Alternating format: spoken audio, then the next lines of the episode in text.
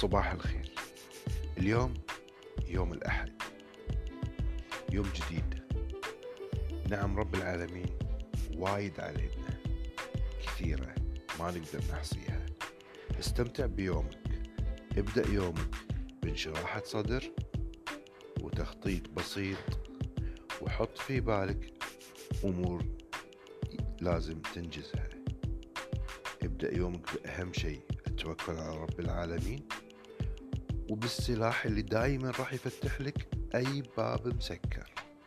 السلاح هذا هو ابتسامتك الجميلة. لا تحرم نفسك واللي حواليك من روعة ابتسامتك. يومكم سعيد. دمتم مبتسمين.